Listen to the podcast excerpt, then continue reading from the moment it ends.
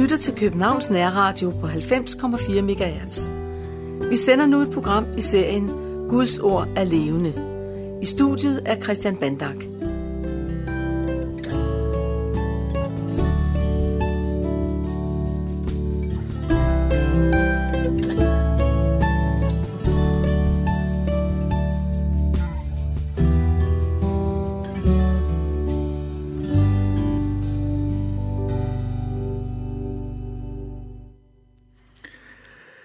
Vi skal høre lignelsen om, den store, om det store festmåltid, det er fra Lukas evangeliets 14. kapitel, hvor vi hører fra vers 16 til og med vers 24. Jesus siger, der var en mand, som ville holde et stort festmåltid, og indbød mange.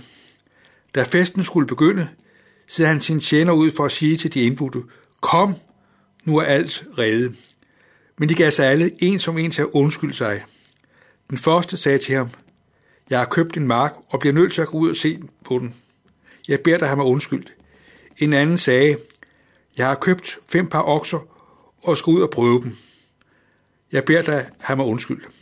Og en tredje sagde, jeg har lige giftet mig, derfor kan jeg ikke komme. Tjeneren kom tilbage og fortalte sin herre dette. Der blev husets herre vred og sagde til tjeneren, gå straks ud på byens gader og stræder og hent de fattige, vandfører og blinde og før de lamme herind. Og tjeneren meldte, Herre, det er sket, som du har befalet, men der er stadig plads. Så sagde herren til tjeneren, gå ud på vejene og langs skærene og nød dem til at komme, som et hus kan blive fyldt. For jeg siger jer, ingen af de mænd, der var indbudt, skal smage mit måltid. Hør til i Guds rige, det er fordelt i en fantastisk rigdom. Der står inde i den græske tekst, at det var en megafest. At den fest, som Gud har tilvejebragt og indbyder til, den gælder alle. Den har en rigdom, og den har en fylde, der overgår langt det, vi kan drømme og forvente. Sådan er Gud. Gud er den, der har gjort alting redde. Alt er reddet. Sådan hører vi det sagt fra Jesus. Det er jo ikke bare pæne ord, men hvis vi, hvis vi tænker på Bibelens sale, så må vi sige, at det er en rød tråd, at Gud fra, lige fra, fra evighed har tænkt og bestemt, hvordan han skulle nå os og give os frelse. Gud er den, der har givet løfte, givet løfte om det gennem sine profeter, og gennem Jesus Kristus ser vi, at Guds rige er en fest. Guds rige giver plads for os som de mennesker, vi er. Jesus ønsker virkelig, at, at, vi, bliver, at vi får plads i hans rige. At vi er de indbudte, som er kaldet til, til liv og fællesskab, til megafesten hos Gud. Der er egentlig noget mærkeligt i den lignelse, at alle de mennesker, som fik indbydelsen, og også dem, der tog imod, der var ingen af dem, som i udgangspunktet havde set frem og forventet den fest. Vi hører ikke, at nogen øh, så frem til, at de skulle have delt den fest. I virkeligheden kom den fest, på, den kom, kom bag på alle. Også dem, der, der, der, der, der fik plads, hører vi, om dem hører vi, at de blev nødt til at komme ind. Udgangspunktet er altså, at vi mennesker, vi synes ikke, vi har brug for Gud. Vi synes, at det vi selv har gang i, er det afgørende og det vigtige. Det, som vi har gang i, det er synligt og det er konkret, og det kan vi forholde os til. Gud er livets skaber, og det er egentlig mærkeligt, at vi kan være fuldstændig blændet, blinde og fremmed over for Gud. At Gud giver os livet. Gud giver os vores kræfter. Gud giver vores evner. Og jeg må også sige, at jeg synes, det er en rigtig stor og dejlig gave, at man er gift. Og sådan tror jeg også, at mange andre synes, at det er en gave at kunne være gift.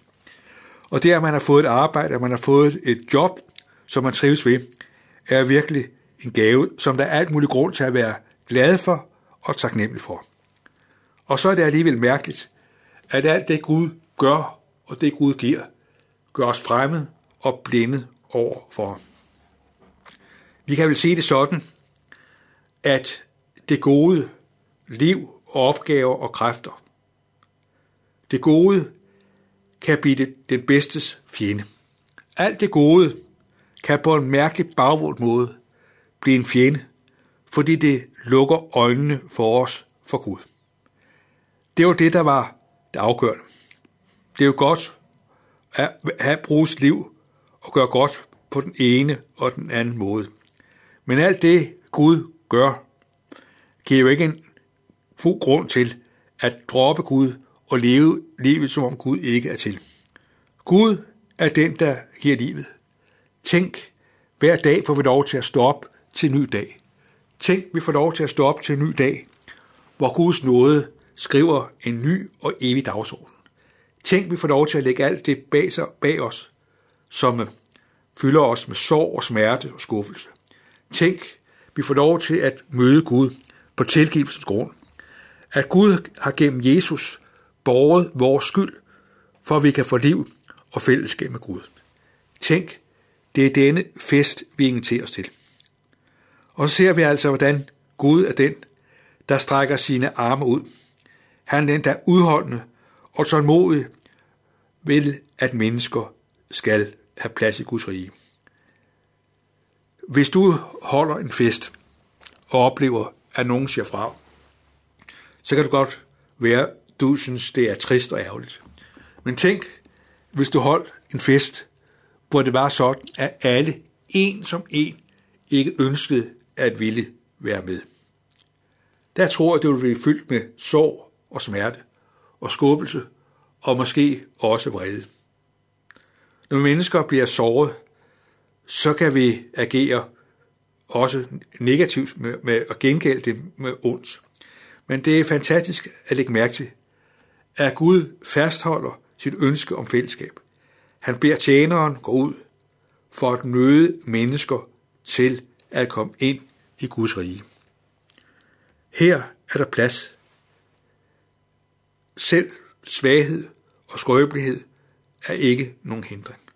Gud er den, der vil have liv og fællesskab med os. Når vi får en invitation, så følger der ofte et, et, et, et ønske. Så står der også på indbydelsen SU, svar øh, udbedes. At når vi får en, en, en invitation til en fest, så må vi også give et svar. Andre kan ikke svare for os. Vi må hver især svare. Og her er det altså ulykkeligt, at det at afvise Gud og forkaste Gud. Det er der ingen af os, der kan overleve. Det er menneske, der vil undvære Gud, og ikke vil vil tage imod Gud, får lov til at leve sit liv uden Gud. Det er der ingen af os, der kan overleve. Det fører ind i den evige dom og den evige fortabelse. Det er ikke sådan, Gud har ønsket det. Gud ønsker, at hver menneske skal blive frelst. Men Gud er den, der vil have, at vi tager imod ham i kærlighed og tillid. Selvom en general måske har meget magt, så tror jeg ikke, at generalen vinder soldaternes tillid ved at give dem et påbud om at gå en march på 10 km. Kærlighed og tvang er en andens modsætninger. Gud er ikke den, der tvinger noget menneske ind i fællesskab med Gud. Gud er den, der lader os selv tage imod. Og hvis du ikke tager imod, så bringer du dig ud i den mest tragiske situation. En den situation, hvor fortabelsen ikke er til at undgå.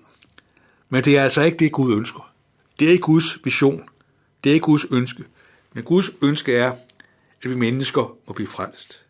Vi som har svigtet og syndet på den ene og den anden måde, får Jesus et nyt liv, får tilgivelse og fred. Tænk, Gud er den, der vil give os plads i sit rige. Tænk, at Guds hjerte er så øh, rummeligt og generøst, at der er plads til os. Os om hvem der virkelig er meget negativt at sige og tale om. Alt det ser Gud bort fra, fordi Jesus har båret vores synd og skyld. Tænk, hvilken rigdom. Tænk, hvilket privilegium, at du og jeg må få vores identitet i Guds kærlighed og Guds nåde. Amen. Lad os takke og bede. Himmelske Far, vi takker dig for din nåde og din barmhjertighed. Tak fordi du vil være et eneste menneske. Tak fordi du har gjort alt redde. Tak fordi du har lavet din søn lede og dø opstå, for at vi gennem ham skal det evige liv. Vi beder om, at det budskab, som vi nu har lyttet til, må nå ind i vores liv. Vi beder om, at vi må lade os nøde af dig. Og tak fordi du vil os det bedste. Vi beder om, at vi selv og de mennesker, vi lever af blandt, må møde dig. Vi beder om, at du må give os frimodighed og vilje til at invitere andre til at høre evangeliet om dig. Vi takker dig for, den, for livet, du har givet os for den dag. Vi beder dig for de mennesker, vi står blandt, står sammen med og lever sammen med. Vil du give dem og os alt det, du ser, vi har brug for. Og så beder vi om, at vi for Jesu Kristi skyld må nå ind i den evige herlighed. Amen.